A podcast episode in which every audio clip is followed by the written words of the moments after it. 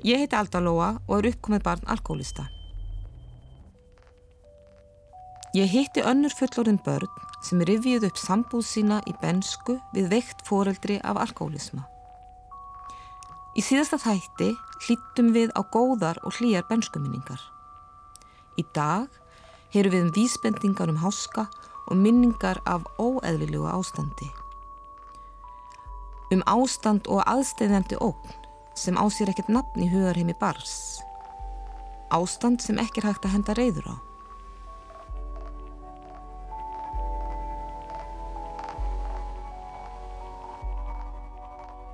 Ég, ég man sko mjög vel eftir honum sem föður á þessum tíma og þá man ég eftir að, að, að einmitt að hérna þegar hann var að lesa fyrir mig og, og sískinu mín og ég man líka eftir honum gangandi sko heim á sólríkum degi blind fullum ég man eftir að hafa séðan detta í göttuna og, og hrubla á sér andlitið þannig að blætti úr augbrúninni og glerugum brotnuðu og, og svona.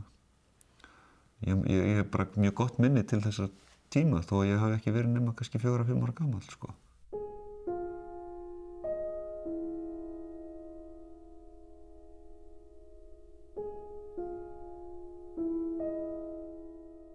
Mínar svona fyrstu minningar frá Vestmanni um þessi ár eftir gós eru, eru tengdar, tengdar honum.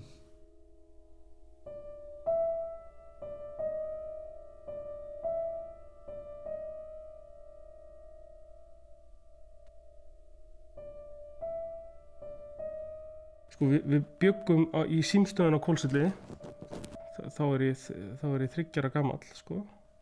En ég á minningar þar þar sem að ég, hérna, mamma er að láta mig hafa pela með kakómalti eða einhver í og setjum mig á kotta og svo er hún að fara að ná í kardimumundrópa og ég, ég man að það var eitthvað neikvægt við þetta, mjög neikvægt.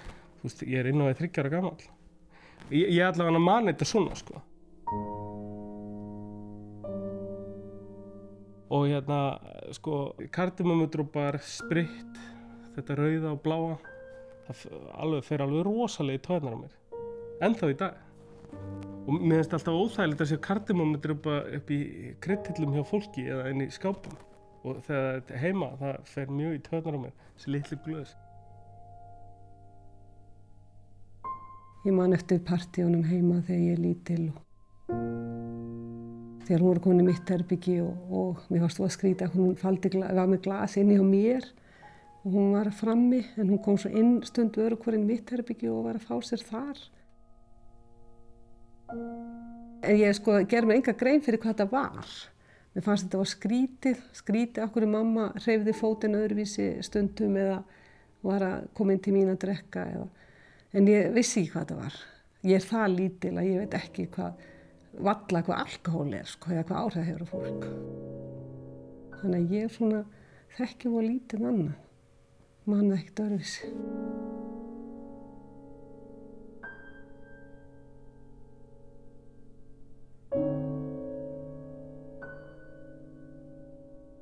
Sko eftir að higgja þá hefur hún þurft mikið að drukki hraðar en aðrir. Ég er búin að læra það eftir á fullorðin. Sko pappi er ekki alkoholisti og ef hann hefur ekki sjónum yfir heima þá hefur hún öruglega fundist mjög skrítið hvað mamma drakk hratt. Og hún er strax með einkennin að hún er alkoholisti. Þannig að hún hefur þurft mikið magn og þurft að fela. Hún hefur öruglega verið bara svona pen frammi með eitt glas lengi en svo drakk hún hitt hratt inni þannig að hún er bara strax með ung kona komið með öll engin alkoholisma. Ég man að hann var oft veikur á mótnana. Þá kom ég með vatnandanum. Jú, ég man það. Það var hann voða þakklatur og svo svolít. Um, góður. En hann var mjög oft pyrrar. Ég var aldrei hrætt við hann. Aldrei. En ég, ég fann sko, ég fann að ég fór í töðunar á, hann sko. Ég hugsa tilbaka sko, hann það er svona ymmislegt sem hann gerði sem að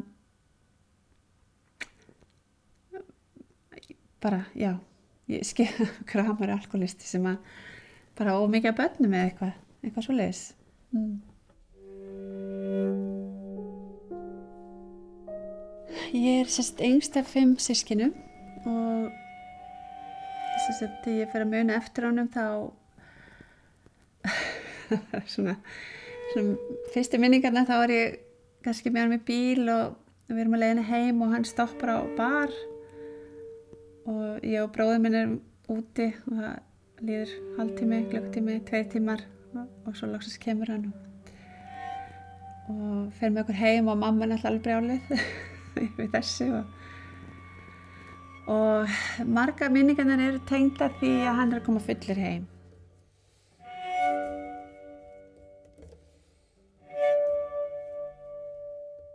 Ég man valla eftir í öðruvísi nema að mamma hafi alltaf verið að drekka eitthvað. Því að ég man eftir mig þegar ég kem heim úr skólunum því ég er lítill og er að hugsa hvor mamman er heima. Mér finnst það svolítið sterk, sterk hugsun sko. En það var náttúrulega alltaf sama konan en ég sá alltaf öðruvísi konu því ég kom heim og hún var búin að drekka. Og þá svona, var svona smá kvíðan hútur hvor mamman er heima þegar ég kem heim. En þá hef ég verið sjö ára eða eitthvað þannig að ég man voru lítið annað en að hún hafi, að vínið hafi verið svolítið stór hluti á henni.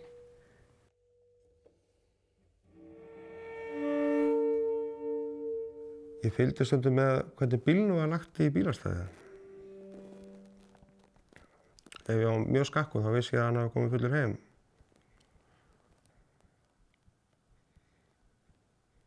Þetta var ofta ótt í manni bara að lappa inn sko. Oft, kannski, það er íkt, en stundu var ótt í manni að, þeirra, að lappa inn á heimilið.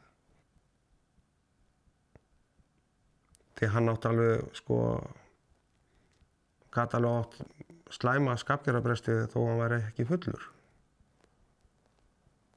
Þannig að já, maður gerði það stundum að svona maður svona hérna fór allavega hægt inn sko.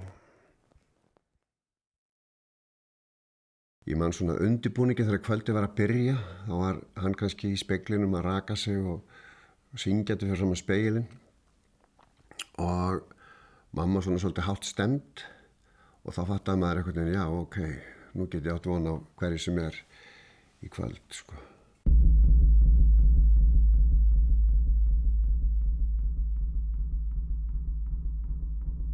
og ég man ég sá hann einu sinni þau var svona stinga flösku inn í fataskáp bak við tau og fela sko. svo fór hann ég man ekki hvað það var hvort það var einhver fundur eða britskvöld og eitthvað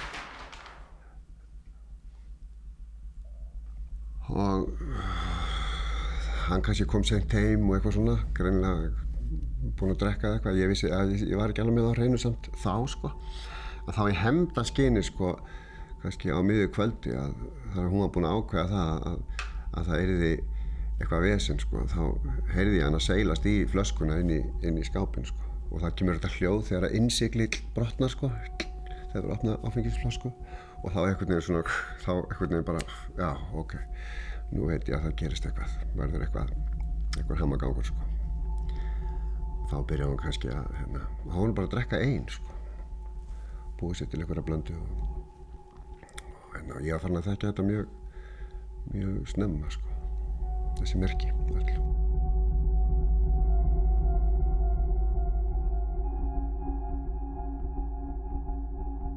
Hann fór eitthvað tíma upp á þak á húsi heima og skautar upp í loftið.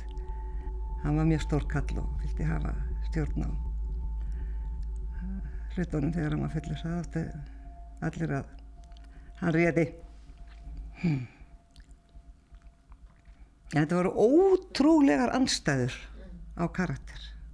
Þessi ljúfi, góði, nærgætni, elskulegi, umhyggisami maður, það var það og það, það, bara, það ber öllum saman um það og hann var svo flinkur og, og það var bara leka allt í höndunum á hann. En hvað gerðist þegar pappið drakk? Ég, ég held bara, mér hafi ekki líkað þessi karakterbreyting og ég veit ekki af hverju mér það var svona rosalega mikið hjartansmál innra með mér að þau drikkju ekki að því að sko hann, hann gerði fullt af heimskulegum hlutum sko en það var ekkert svona konkrét ofbeldi í gangi annað en bara, hann var bara leiðinlegur og það, þetta var bara vond. Í dag allavega get ég ekki sett fingurinn á hvað það var nákvæmlega. Þetta var bara, þetta var bara hræðilegt einhvern veginn. Hún hafði verið með hann hérna, í, þau verið hérna í bænum og hún var búin að eiga með hann um sko 6-7 börn og dríkti hann í ógst alltaf og hann var að týnast og fara flandur og svona. Og hann langaði átt eitthvað draum um það að verða bóndi og hún vildi, var borgabann en hún fjælst á það að flytja í sveita því hún held að þá gett hún haldið honum frá því að drekka. En hann náttúrulega bor bara fljóðlega að brugga. Og það er nú öruglega alveg kosta sitt og oft verið í forgang að kaupa sigur og ger, ég get alveg mynda með það þótt að við hefum kannski ekki alveg séð það þarna. En hennar uppgjöf nummið tvö er að fara að drekka með hann hún gæti ekki stjórna þetta því hvernig hann ditt í það og svona en hún laði helling í það og sennilega með samþykja hans sko að það er ekki lagt í það fyrir jól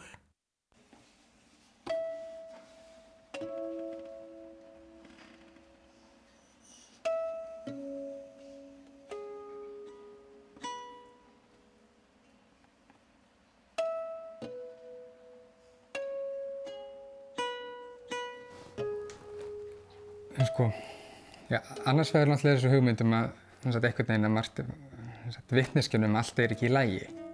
Mað, mað, sagt, ég skinnjaði það mjög fljótt sko, að það var ópn í lífi, lífi okkar, eða lífi hjá mér og mömmu.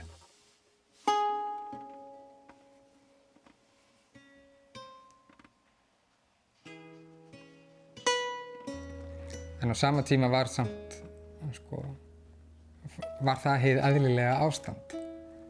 Þannig að það var svona ákveðin tóstreita kannski á, á milli þessara þáttar. Og ég minni við á mjög sterkar minningarinn í mann rosalega vel aftur. Og hérna, fyrstu minningarnir mínir eru bara frá sko, um tveggjara aldur.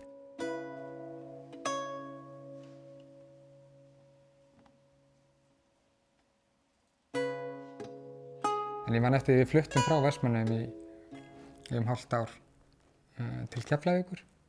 Og þar uh, verður þessi svona sterka hugmyndum allt er ekki í lægi eins og við fluttum frá öllum. Fórum þar og máðum við runni sko hálfgerðu taugafætti þann tíma.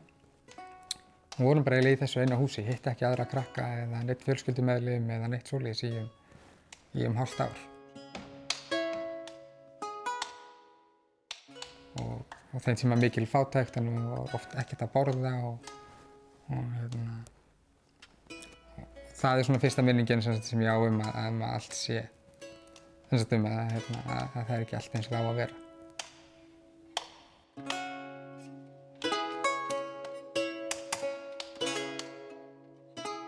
Hann var alltaf mikið að vinna og hann, það sem mann best sko, hann var alltaf að taka upp á einhverju eins og kom hann heim með ref og, og smíðaði, sérst, hann var alltaf að smíða eitthvað, hann var listamæður líka smíða alls konar listaverk og svona svo smíða hann hérna búr og var með ref út í gardi og allir nágrannir og allir voru náttúrulega brjálæðir. Og svo ég eftir að eins og koma fullir heim þá var hann með svona kolkrabba og var að hræða okkur börnin og og svona, veist var, ég náttúrulega var svo lítil sko, ég náttúrulega gerði ekki grein fyrir því að hann væri alltaf fullur. Ég vissi að það kom einhver svipur á mömmu og, og sískinni mín eldri þegar hann var í þessu ástandi og hann tók svona reyðisköst hann var að koma seint heim á nóttum svona, og ég vaknaði við þetta. Þetta er svona leiðilega minningar, svo svona minningar þá kom einhverju Íslendingar í heimsó þar sem við byggum út í Kaliforni og, og þá voru við sett fóstbræður á minni mig uh, íslensku sjómanarlegin og, og, og þá fekk ég að dansa. Og mér fannst það svo gaman að fá svona aðtegli og það hlóðu allir rosa mikið og náttúrulega greinlega allir að drekka og eitthvað svona. En ég sjálfur sem fannst mér þetta ekkert leiðilegt þannig. Það, það voru svona vestu minningar var þegar náttúrulega Pappi var að rífast við eldstu sískinni mín og mömmu. Og það er svona situr í manni sko. Að því hann alltaf hann var líka vist þannig að sko þegar gekk rosa vel þá var hann alltaf fullur. En mamma sagði eitthvað tíman að bestu árin þeirra voru þegar þau voru alveg rosalega fátæk og voru búin að eignast tvö börn og byggu í svona trailer í Minnesota. Og ótrúlega kallt en þá var hann bestur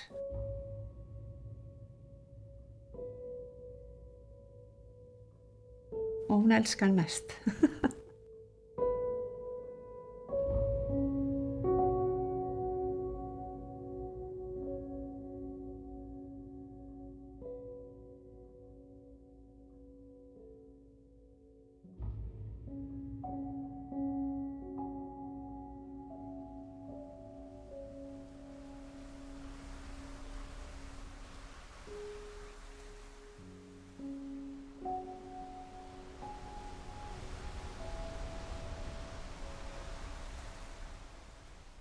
sko í kjölfæri af þessu við förum svo til Vestmanæja aftur. Hérna, þá, þá er þryggja háls ás eitthvað svo leiðis og þá byrja ég að vera miklu meira var við um, sko, nesluna hennar og drikki og byrjar að koma oftar og oftar fyrir hún segist alltaf að koma heim en kemur kannski heim í 1, 2, 3 daga og eitthvað svo leiðis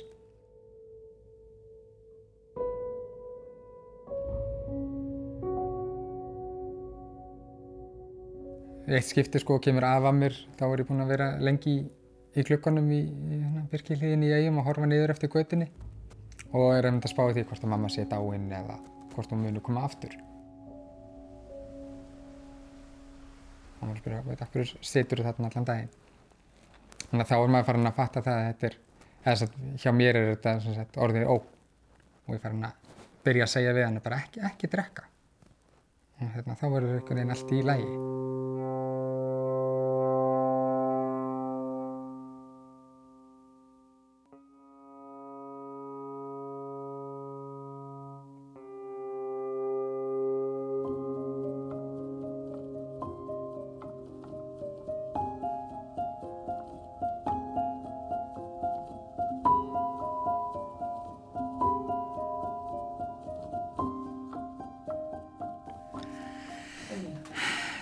Náttúrulega bara maður var að finna, fann alltaf áfengislikt. Hún var ekki eðlileg og stundum kom hann heim með lauruglubíl og það var ekki eðlilegt. Allavega hann gerði hini fórildrætni það ekki. Ég á mjög marga minningar á hann bara fullum. Sérst, hann var alltaf að koma heim að leita að peningum til að kaupa meira áfengi. Og í eitt skipti þá er hann að koma og mamma hún felur peningaviski hans. Ekki það mér fannst ógislega fyndið sko. Ég sá þetta svolítið sem svona stríð honum sko. En hann var alveg brjálaður að finna ekki peningaviski sitt. Og hún hafði falið það inn í opni og eldavelinni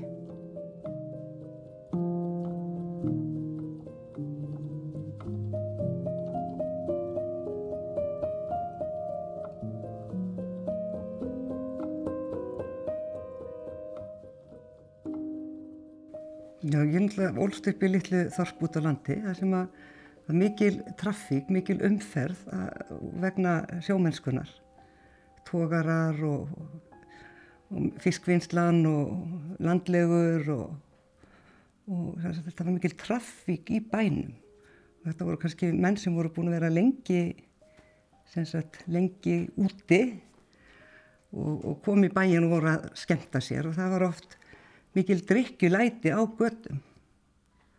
Svona, það voru sem margir skemmtistæði líka, það voru margir, margar sjoppur og, og það var oft, þess að maður sá mikið að drukknu fólki á göttum og, ég, og fyrir utan þessi veitingahús og þessar sjoppur og mér fannst, svona, ég fekk svona svolítið það álit á kallmennum að þeir væru meirum en alltaf allir fullir ég, ég sá svo mikið af fullum kvöllum.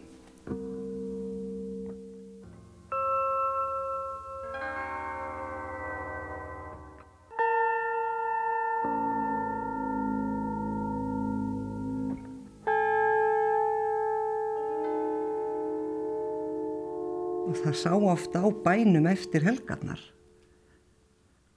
Og, og í mínum huga voru þetta kallmenn eh, sem að, og sjómenn. Eh, Brott, já. Og svona maður var hrættur að fara út að leika sér sko þegar að maður vissi að það voru breskitóðurar inni og, og var, var landlega eða þá svona hrættist maður þess að fullu kalla.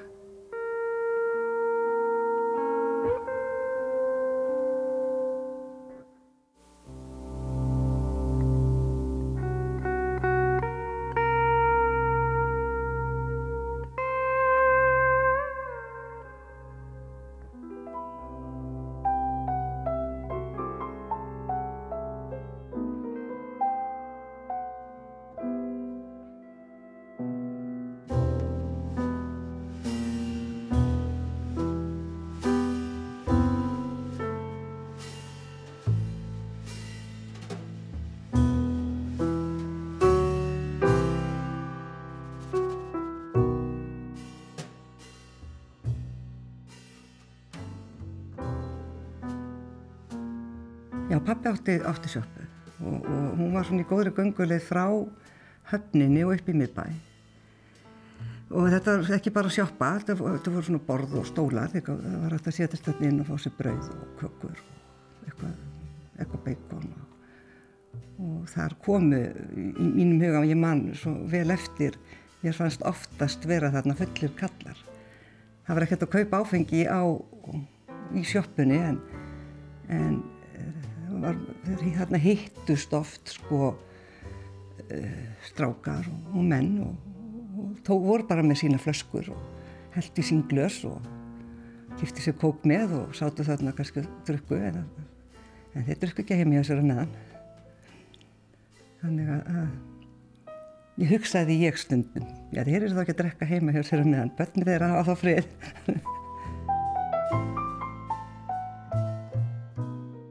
Þetta, þetta var svolítið viðurlóðandi bæjarfélagið á vissum tíma sem fylgdi þessari sjómennsku. Það var þegar við vorum að, að þurftum að þurftum að yfirgefa heimili á mér í nóttu, á nóttudanur. Sko. Gáttu kannski tekjum okkur örfáar flíkur og þurftum að, þurftum að, að bara flýja hús hún vakið þetta bara ástandið slæmt og hann, hann pappi var alveg sérfræðingur í, partistandi sko. Hann talaði um þýsku og gæti bjarga sér í ennsku og dönsku og, og, og var svona flinkur maður. Og, og hérna hann var svo flinkur að ná í svona skipstjórana og stýrimennina og á, á svona einhverjum svona útlenskum skip, ekki svona tókurum, heldur svona fyrni skipum sem voru að koma í bæinn. Þetta, þetta fólk var alltaf komið heim í stofu með pappa. Hann var alveg snillingur að ná sér í svona drikkifélaga og, og leggja undir sér húsið. Það er góð partí. Hmm. Já, við svona földum okkur eitthvað starf í herbyggjónum okkar eða fórum og vorum hjá vinnum eða kom okkur við það var stórfjölskyldan, hún var alltaf til staðar. Ég man kannski ekki hvort það hafi verið fyrsta fyllir í en, en ég man svona, já, jú, þetta er kannski fyrsta minningin sem, sem að, jú, þetta er svona fyrsta minningin. Það var þegar ég vaknaði upp ykkur á nóttina á ránagutunni og, og það voru slagsmál frammi.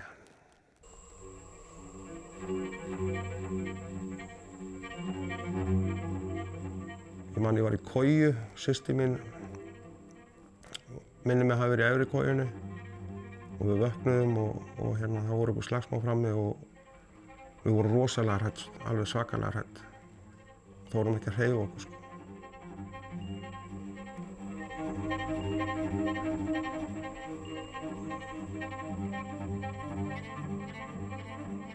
En þetta eru svona yfirleitt bara svona minningabrót, þetta er ekkert svona, þú veist, ég, ég, ég man eitthvað atbyrðarás eða, eða hvernig þetta kvöld endaði eitthvað en þetta er svona, svona eitt af því bara svona sem að man og gleymi sennilega aldrei.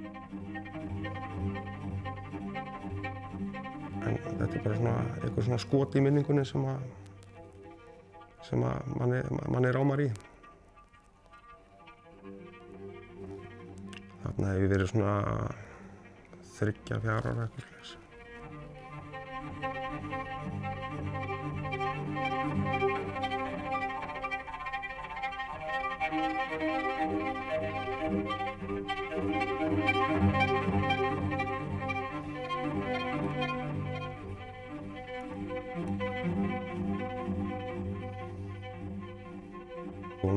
lítil að það var ekkert rætt en, en þetta kom nokkur svona fyrir.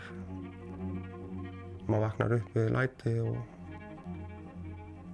og hamagang framni. Þá voru bara handalögum að fara með, bara slagsmál. Grennandi konur, gráðandi konur. Fullóðin garmann að slást.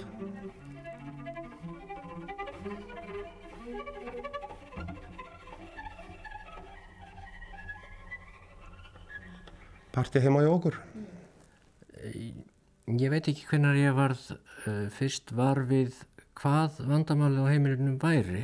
Fadur minn var uh, drikkjumadur, drakk oft uh, og stundum lengi í einu og því fylgdu alls konar vandamál á, á heimilinu en, en ég veit ekki hvenar ég gerði mér grein fyrir því akkurat það væri vandamálið. Maður var, var við rifrildi og alls konar hérna vesen og, og hann kvarf stundum í einhverja daga eða jafnvel vikur og, og þá lærði maður að það var ekkert verðt að vera að spurja neitt um það hvað hann væri og svo framvegis. En það var, á þessum árum var ekki talað um, um þetta sem, sem sko vandamál í sjálfu sér. Menn fór, lendu og fyllir í og, og það gæti orðið vesen en maður gerði sér enga grein fyrir því að, að þarna væri eitthvað sérstakt vandamál, vandamál á ferðinni en þó allan tíman alveg frá byrjun þá uh, var eins og það væri einhver auka meðlimur á heimilinu sem að, sem að hafði afskaplega þrúandi og, og leiðinlega áhrif á, á heimilslífið sem að, sem að var þá uh, alkoholisminn. Hann, hann var alltaf þarna og hafði slæm og þrúandi áhrif eins og þessi hann var ósynlegur og maður vissi ekki hver hann var eða af hverju hann var þarna eða, eða, eða hvað þetta átt að þýða. Þannig að, að það leið mjög á löngu þannig til maður fór að gera sér grein fyrir því hvað vandamálið væri. En, en, en það var alltaf þarna veist þessar undarlegu minningar þetta er náttúrulega mamma þurfti að fara að vinna og svo þurfti hann að hætta að vinna vegna þess að það var alltaf það var bara stöðut fyllir í sko heima. Þar sem að, sagt, að hann var ekki að vinna og, og hún sagt, var það hægt að vinna. Hún gæti ekki haft okkur í þessum aðstæðum sko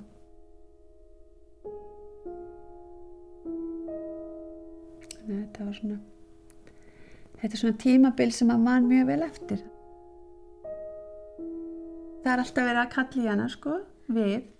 Hún er alltaf bara láta hætta í vinninni hún gæti ekki, ég er náttúrulega ekki nema 7 ára þarna sko, en samt svona sjálf ala.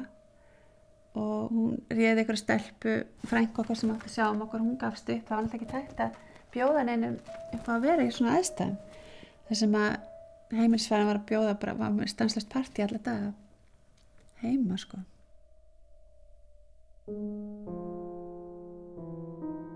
og, og svo kannski bættist amma við, skilur, með sér í flösku eða eitthvað. Þannig að, sko, þetta er svona, þetta er minningarnar. Ég veit ekki tímabilin, en í svona, í, í, í svona minningbassi er þetta náttúrulega svo stórt veginn. Þetta er svo skrítið allt. Þannig, og svo sko föðurbráðir minn hann, hann bjó í bakursinu og hann var líka svona rosalur algi og lögfræðingur. Hann var líka alltaf fellur og pillum.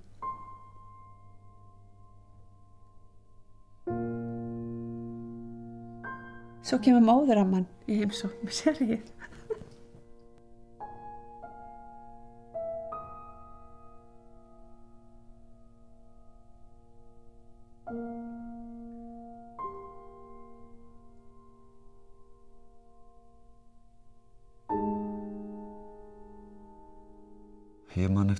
sko vera að drekka sig sko fullan.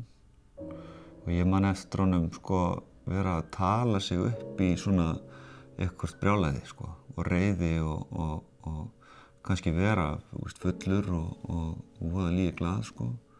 En síðan gerist eitthvað og, og hérna drikjan ágerist eða eitthvað slikt og ég man eftir að hafa séð þessi svona merkjulega, hafa lært á sko hérna að hann væri að fara að verða sko hérna fullur.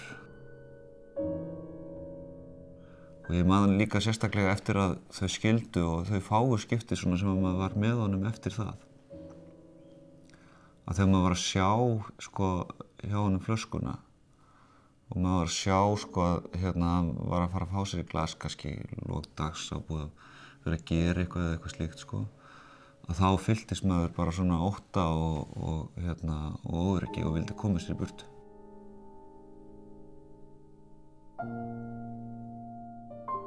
Og meðan hann bjó í Vestmannum, út af hann bjó doldi í Vestmannum eftir sko að þau skildu, að þá hérna, sem betur fyrir hafði maður svona töluvert frelsi til þess að fara og koma og maður svona gætt hérna, forðast hann ef hann var, var að drekka.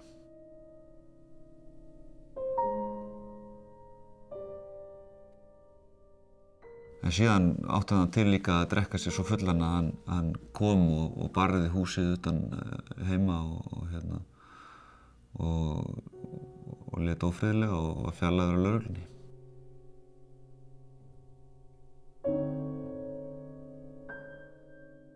Og þetta náttúrulega var gríðarlega mikið svona upplösnar ástand sem fylgdi því að kom bara einhver að kvöldi, einhver brjálaður blindfullu kall sem að vissi ekkert hvað hann vildi sko, hann var bara ósattur við að, hérna, að vera búinn að missa fjölskylduna sína og hérna og í ykkur svona fyllir ís óráði að reyna að, að ég veit ekki, reyna að fá útrás eða, eða koma sinni reyði á framfæri.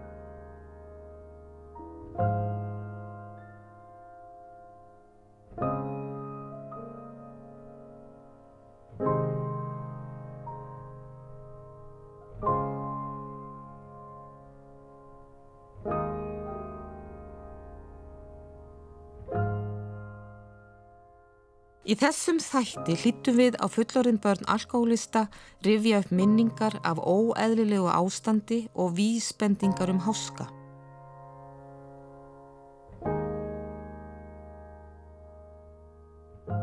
Næsti þáttur fjallar um svik.